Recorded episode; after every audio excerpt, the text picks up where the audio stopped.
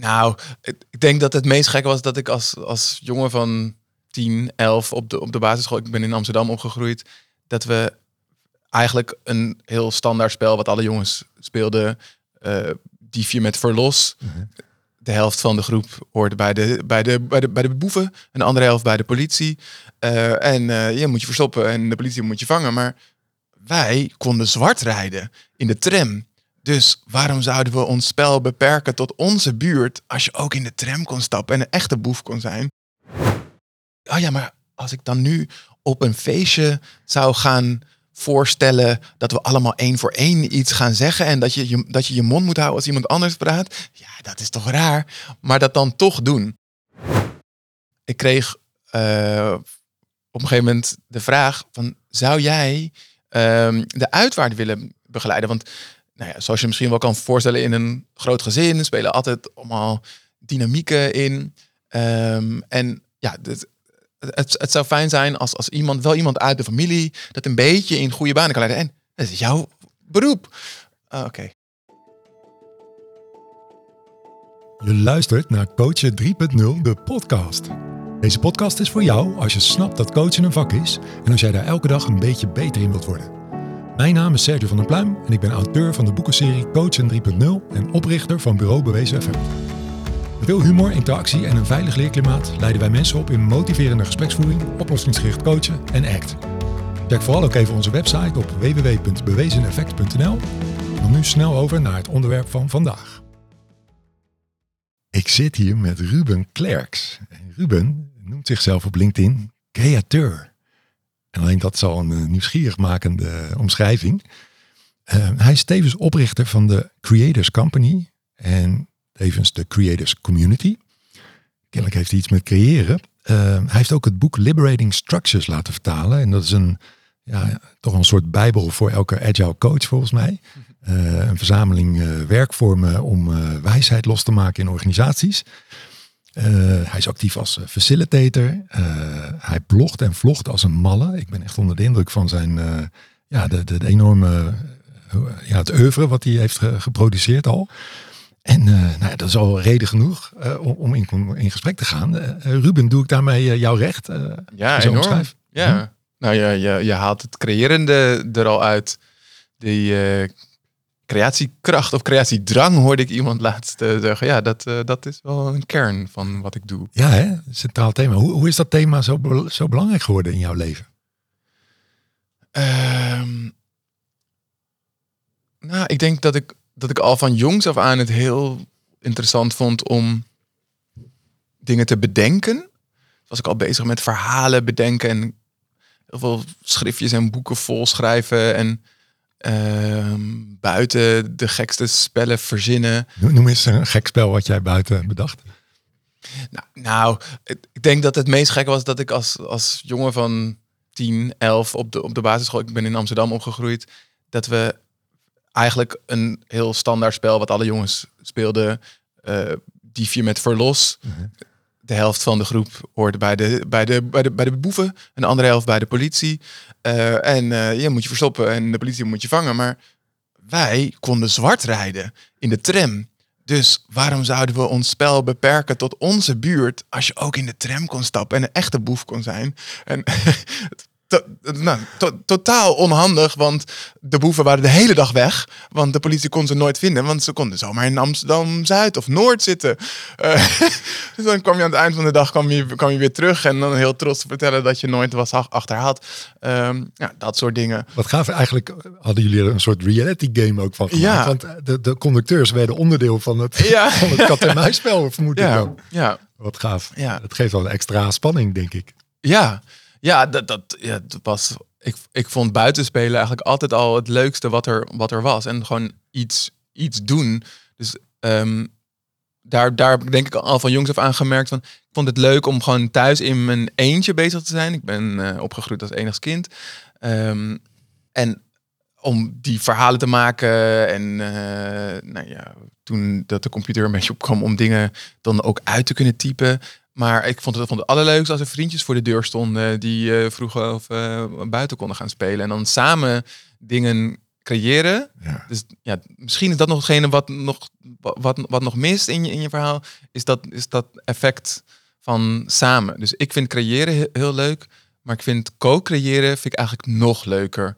Ehm, en de, de dingen die gebeuren op het moment dat, dat je iets wilt creëren. Eh, ja, dat, dat vind ik mateloos fascinerend. Wat gaaf. Oh, dat raakt meteen aan een belangrijk thema. eh, wat veel van mijn luisteraars ook zullen weten.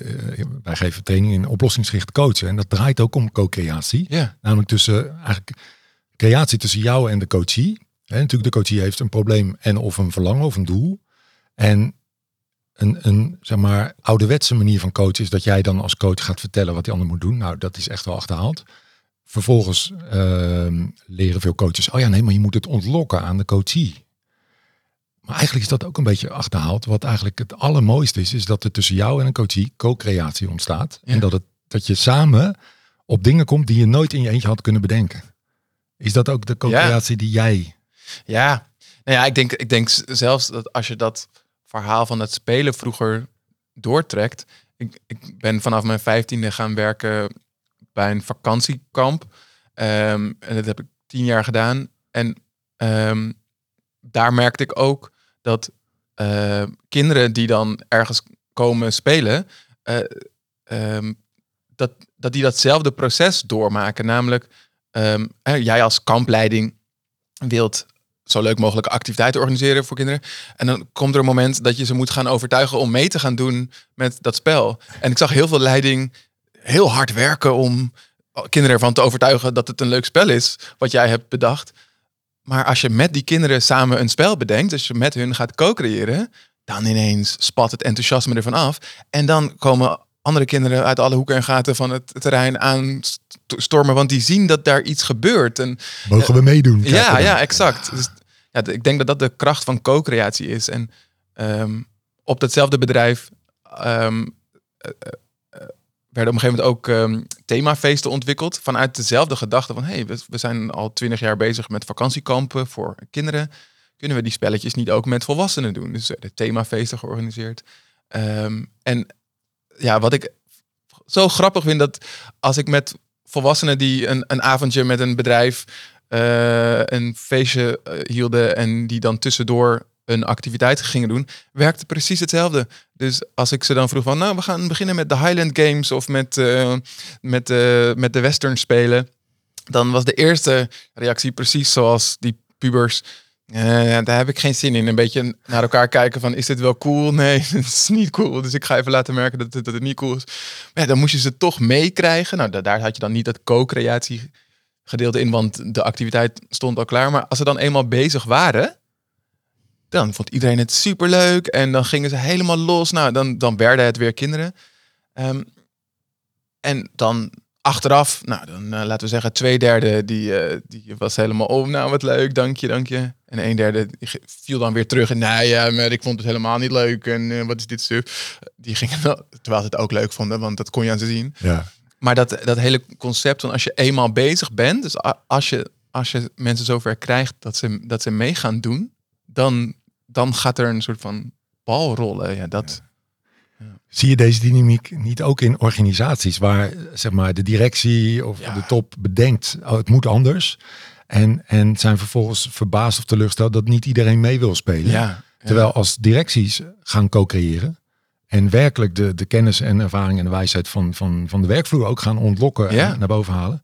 En is, is dat ook iets wat jij doet? Doe Ja. je dit ook in, in bedrijven, organisaties? Ja. Ja. Nou, dat, dat is wat ik bijvoorbeeld veel met eh deliberating structures doe. Eh, dat gaat daar he- helemaal over. Van hoe- hoe, kan je met elkaar, hoe kan je met, eigenlijk met de mensen waar het om gaat, ehm, eh, een proces ingaan om te bepalen wat vervolgstappen zijn. Het, is- het is heel raar om dat voor anderen te bedenken.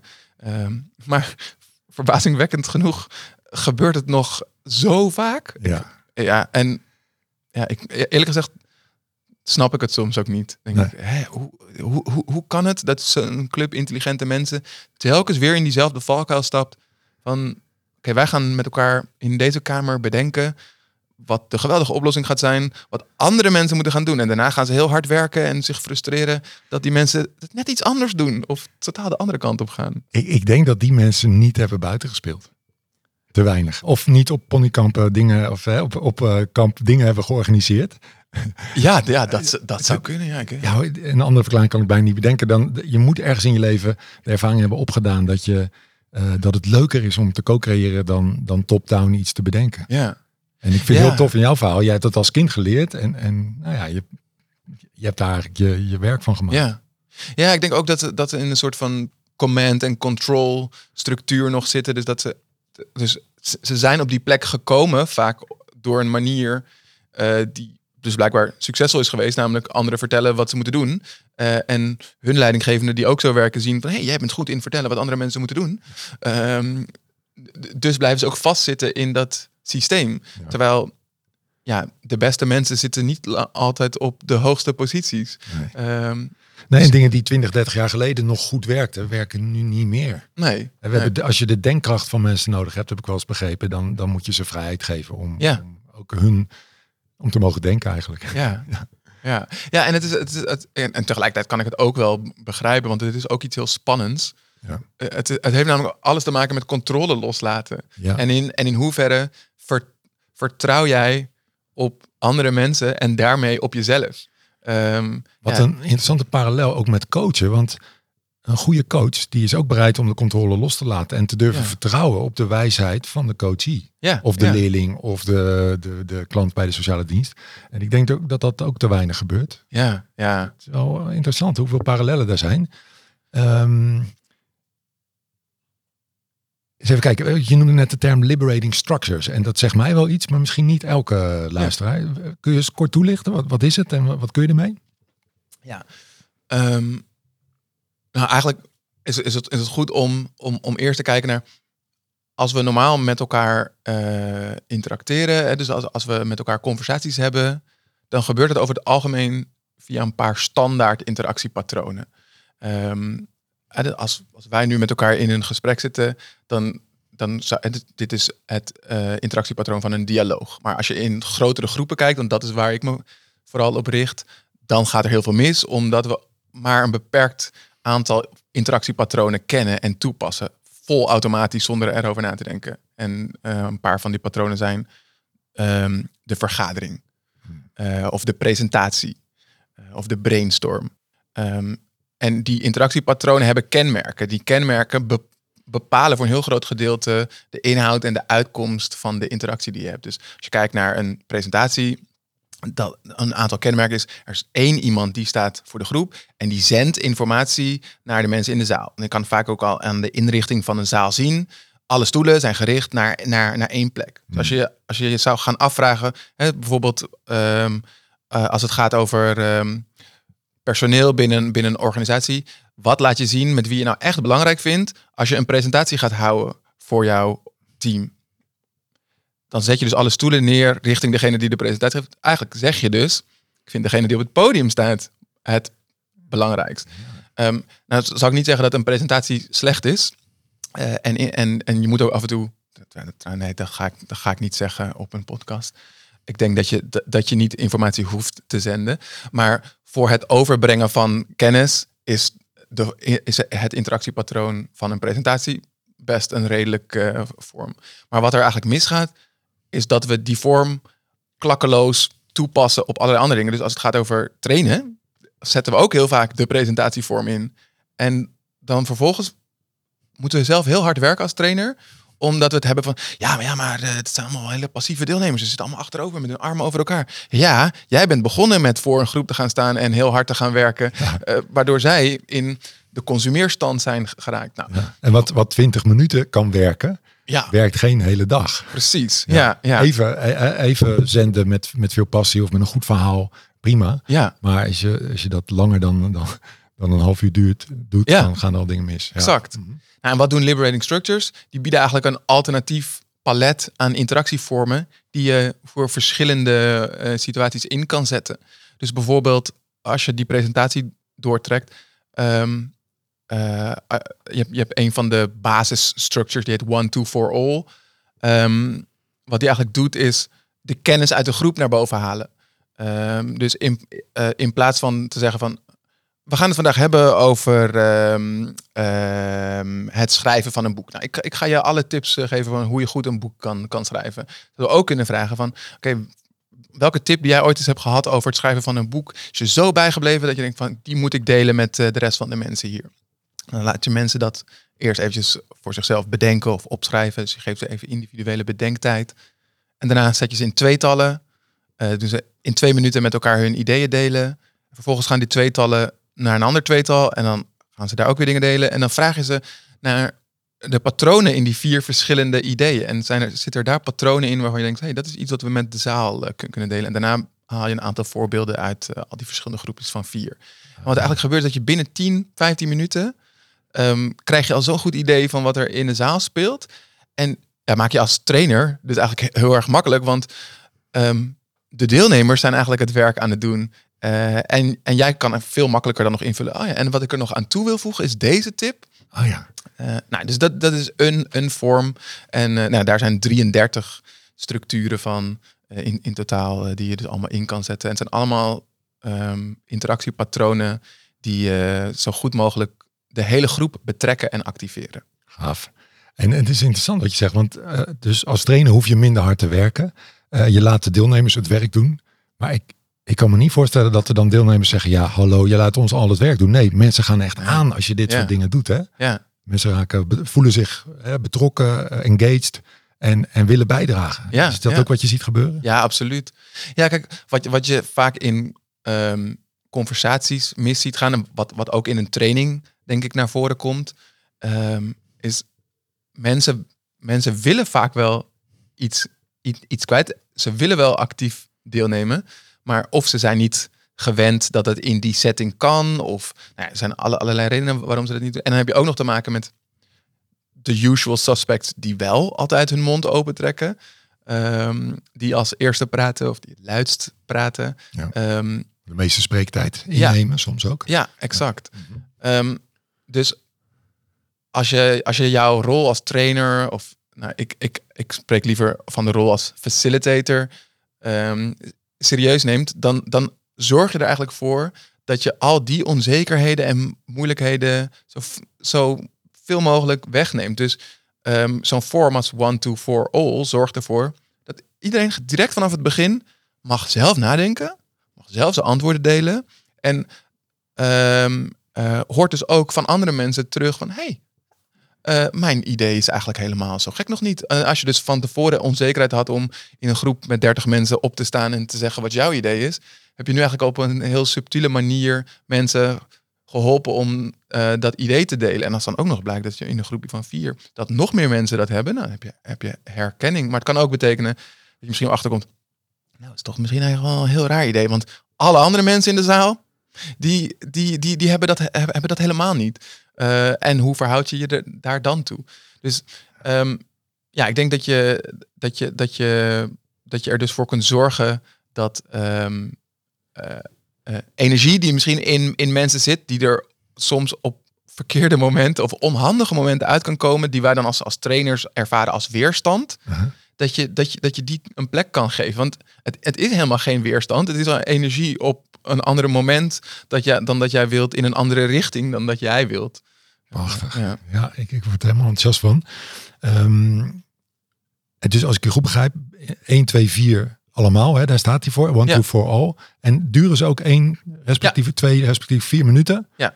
Dus je bent letterlijk drie plus vier, zeven. En dan nog plenair een paar minuten. Dus inderdaad, laten we zeggen een klein ja. kwartiertje ben je verder.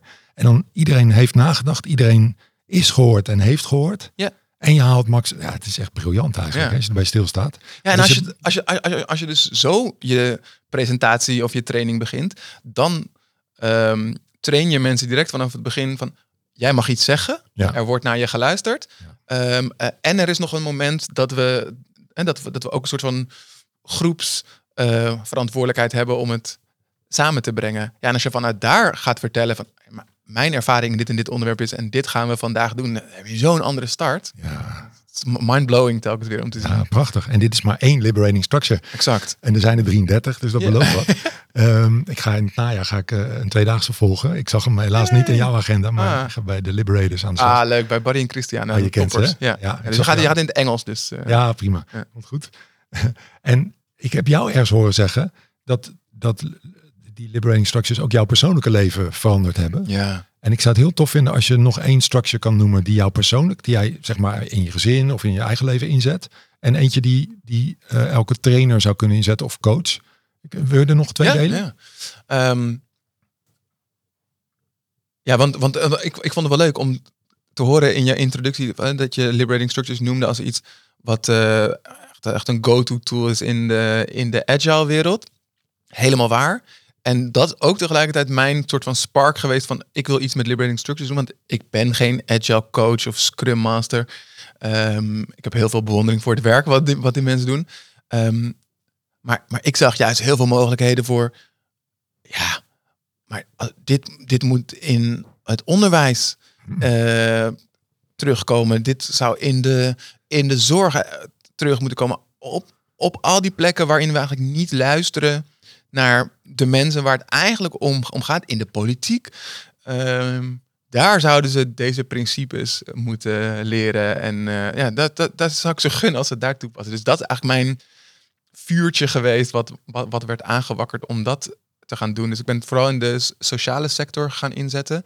Ehm, en waarom het mijn leven zo heeft veranderd, was omdat ik op den duur ook merkte van... Maar als ik, als ik dus merk dat mijn gesprekken, zakelijke gesprekken, zoveel beter worden door het inzetten van een methode. Waarom zou ik dit dan niet doen wanneer ik met mijn vriendin praat? Of wanneer ik met vrienden op een feestje zit? Dan spelen al die dynamieken ook. Ja. Ja, en toen ging er een soort van wereld open van. En maar ook meteen spanning, want ehm, een van de kritieken die mensen nog wel eens hebben op liberating structures is, het zit al in de naam, eh, dingen worden gestructureerd. Sommige mensen kunnen daar niet zo goed tegen. Eh, dus dacht ik, oh ja, maar als ik dan nu op een feestje zou gaan voorstellen dat we allemaal één voor één iets gaan zeggen en dat je je, dat je, je mond moet houden als iemand anders praat. Ja, dat is toch raar. Maar dat dan toch doen. Wauw. Ehm, dus Dapper. ja, nou, dus als je het hebt over een voorbeeld wat ik in pri- privé heb ingezet. ehm, ja, dat is wel echt een heel persoonlijk ding. Mijn eh, oma is twee jaar geleden alweer op 101-jarige leeftijd eh, eh, overleden. En ehm, we hadden haar uitvaart. En mijn, mijn oma heeft zeven kinderen. Is mijn moeder en nog, eh, nog, dus nog zes anderen. En ehm, ik kreeg op een gegeven moment de vraag van... zou jij ehm, de uitvaart willen begeleiden? Want nou ja, zoals je misschien wel kan voorstellen... in een groot gezin spelen altijd allemaal dynamieken in. Ehm, en ja, dit- het, het zou fijn zijn als, als iemand, wel iemand uit de familie... dat een beetje in goede banen kan leiden. En dat is jouw beroep. Ah, Oké. Dankjewel. Dank, Ja. dank je, dacht ik. Ehm, dus ik dacht, oké, eh, hoe, hoe kunnen we dat dan doen? En toen heb ik een liberating structure ingezet. Eh, een klein beetje aan- aangepast om wel va- van, van die echte vaste structuur een beetje los te laten. Maar wat we hebben gedaan is, ehm, het is een structuur die Conversation Café. Ehm, waarbij eh, alle deelnemers individuele spreektijd dus krijgen. En het idee is dat je luistert zonder in te breken. En dan ben jij aan de beurt. En dan eh, eh, wordt er naar jou geluisterd zonder dat andere mensen inbreken. En aan de hand daarvan ga je eigenlijk een soort van gezamenlijke reflectie in. en kan je later op elkaars verhalen reageren.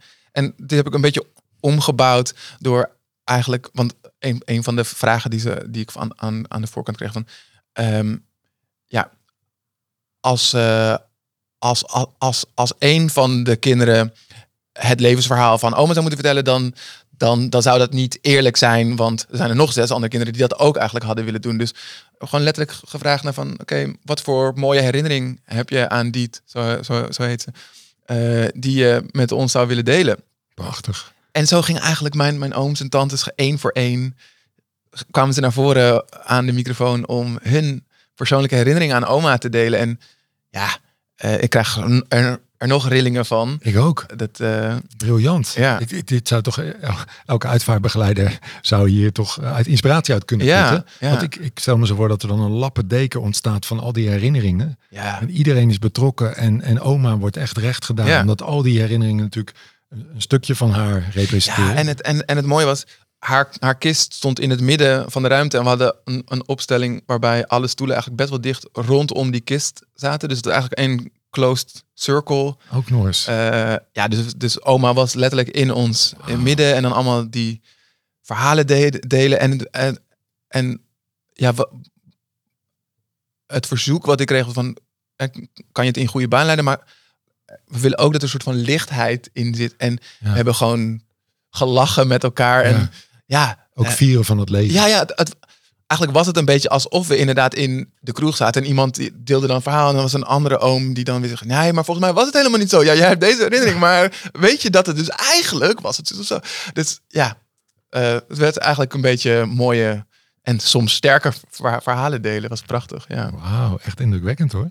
Ja. Ik, zo'n uitvaart heb ik nog nooit meegemaakt. Maar dit, ja, hier zat eh, heel veel leven in als ik Ja. het zo hoor. En zo, ja, zo zou het eruit moeten. Hè? Ja, geweldig. En, en heb je er ook nog, eh, nog, nog één structure? Voor, voor mensen die niet per se facilitator zijn, Ja. maar bijvoorbeeld wel coachen. Eentje die je misschien één op één zou kunnen inzetten. Ik, ik ben zelf heel erg fan van eh What, So What, Now What. of W3. Ehm, eh, en wat deze structure doet, hij werkt op basis van de ladder of inference. Ehm, dat, dat zijn eigenlijk verschillende niveaus waarop je eh, situaties ervaart en handelt. Ehm, en ehm, eigenlijk heel veel misverstanden tussen mensen ontstaan doordat we op verschillende niveaus met elkaar communiceren. Dus eh, ik deel met jou eh, wat ik voordat ik hierheen kwam heb meegemaakt. en dus ik ben nog eigenlijk in het delen van eh, de situatie. Eh, en jij begint al bijvoorbeeld heel, heel gauw van, ah, dat heb ik ook gehad. Weet je wat je dan moet doen de volgende keer? Dan gaat al naar de, naar de, naar de oplossingsmodus. Of eh, eh, iemand anders zegt, ja, maar dat heeft diegene helemaal niet zo bedoeld. Dus dan, dan zit iemand eigenlijk in de verklaringsmodus. Ehm, en dat, dat zijn eigenlijk ook, dus ook die drie fases die hierin zitten. En wat je doet is met een groep, maar het kan ook met iemand één op één. Dus Mhm. eerst vragen naar wat zijn nou de feitelijkheden die zijn gebeurd. Dus eigenlijk vraag eigenlijk de situatie uit. Mhm. Ehm, eh, dus eh, in mijn geval, ehm, eh, ik kwam hierheen met de trein. ehm, en daarna heb ik een stukje gelopen naar de bus. En met de, met de bus kwam ik hier naartoe. En toen ik uitstapte, de navigatie aangezet. En de navigatie leidde me naar het adres. Maar dat, was, ik was op het verkeerde adres. En eh, toen moest ik weer teruglopen. En dus toen zag ik onderweg van op de navigatie, ik zou één minuut te laat aankomen. Nou, et cetera. Dus, dus hier kan je kan nog even mee eh, doorgaan. Dus dat is de what. Dat Ja. waren de Ja, feitelijkheden. ja. En, en zeg maar, ik ben aardig getraind in ook echt de wat te beschrijven. Maar je zal merken, als je dit aan mensen gaat vragen, dan ga- gaan er heel veel niet-feitelijkheden Ja, tussendoor komen. Ja, en toen, eh, en toen dacht ik van, oh shit, ik kom te laat. Ik dacht, shit. Hè, da- Ja. Da- dan zit je eigenlijk al in de volgende fase, maar die vraag je nu uit. Dus dat is de so what komt ja. nu? Ja. Oké. Oké, zo wat. Welke interpretaties of aannames trek of trok jij uit die feiten? Eh, eh, nou, ik vind het niet netjes om te laten komen. Ehm, eh, oh, misschien zou ik Sergio even een berichtje moeten sturen. Nou, tegen de tijd dat ik berichtje heb gestuurd, dan ben ik er ook al, nou, et cetera. Zo ging dat hele gedachteproces. Misschien denk ik ook wel, ja, zie je, ik had toch eerder van huis moeten, moeten gaan. En, en ik, ik, ik had acht minuten speling, maar zie eh, volgende keer moet ik meer speling nemen. En dan in de laatste fase, de what. Nou Oké. wat. Oh ja, sorry. De eh, now what, dank je. Ehm, Oké. Wat kan je daarmee, of wat zou je daarmee moeten? Wat zijn eh, dus ehm, eh, acties die je daaruit eh uittrekt? Nou, de, de volgende keer ga ik nog eerder van huis. Of ehm, eh, vanaf nu stuur ik altijd gewoon even een berichtje. Of ik heb ervaren dat het eigenlijk helemaal niet zo erg is. Dus de volgende keer hoef ik ook niet zo me druk erover te maken. En dan eh, geniet ik van de extra wandeling. Nou, zo. Ehm, ja, en, en als je één op één met mensen werkt, merk je hoe, hoe fijn het is voor mensen om dat uit elkaar te trekken. Eh, en dus helderheid te creëren. Oké, die feitelijkheden, daar kan je niks aan doen. Die aannames, die interpretaties en de conclusies die je daaruit trekt, de, acties die je eruit doet, ja, dat is jouw ding. En daar kan je mee aan de slag. En als je met groepen mensen werkt, vind ik dan wordt het nog rijker. Namelijk, dan zien mensen ineens, terwijl we het over dezelfde feiten hebben, gaan er totaal andere richtingen op. Dus iemand die jou ochtends niet groet bij het koffieapparaat kan voor, je, voor jou een conclusie zijn van, nou, zie je wat een aso, dat, dat doet hij nou, nou elke dag. Maar dat kan voor iemand anders betekenen, ja, maar die zit gewoon vol in de focus en eh, die is op weg naar een afspraak waar die niet te laat voor wil komen. Ehm, dus die is juist heel gedreven. Nou, de- en, en die inzichten van elkaar zien, nou, dat is, eh, vind ik, word ik telkens weer helemaal, helemaal blij van. Prachtig. Dus even kijken of ik hem goed snap. De what gaat over de feiten. De so what gaat over aannames, Ja, aannames, interpretaties. interpretaties. En de now what gaat over welke concrete acties, eh, welke lessen leren we en hoe passen we die toe in de praktijk. Zoiets? Ja.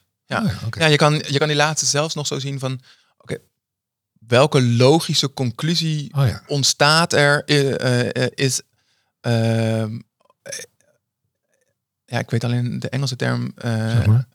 emerging Oh ja. uit die what en die so what. Oh ja. Dus dat, ja, ja, dat komt bijna vanzelf. Ja. Trek je conclusies die je om kunt zetten in actie. Ja. Oké. Gaaf. nou, dit waren pas drie uh, Liberating Structures. One, two, for all. eh, Conversation Café. Ja. En eh, what, so what, now what. Ja, Super gaaf. En er zijn er nog 30. Nou, ik, ik kan niet wachten om eh, me daar verder in te verdiepen. Ehm hey, top. Dankjewel voor je uitleg over, over dit stuk. Ehm, we zijn oh, over ja. halverwege. Ja, Ja, da- dus nu, ik merk, we zijn in de valkuil gevallen van, denk ik, vrijwel elke methode dat we er heel lang over kunnen praten. Maar echt, especially met liberating structures, je moet het vooral doen. Ja.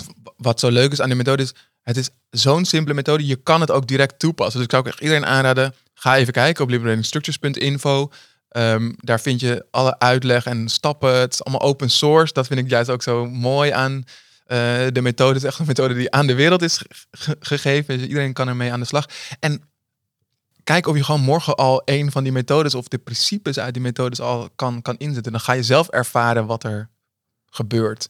Ehm, en, en dus wegbewegen of voorbij bewegen aan. Ja, het is een toolbox die je eerst moet.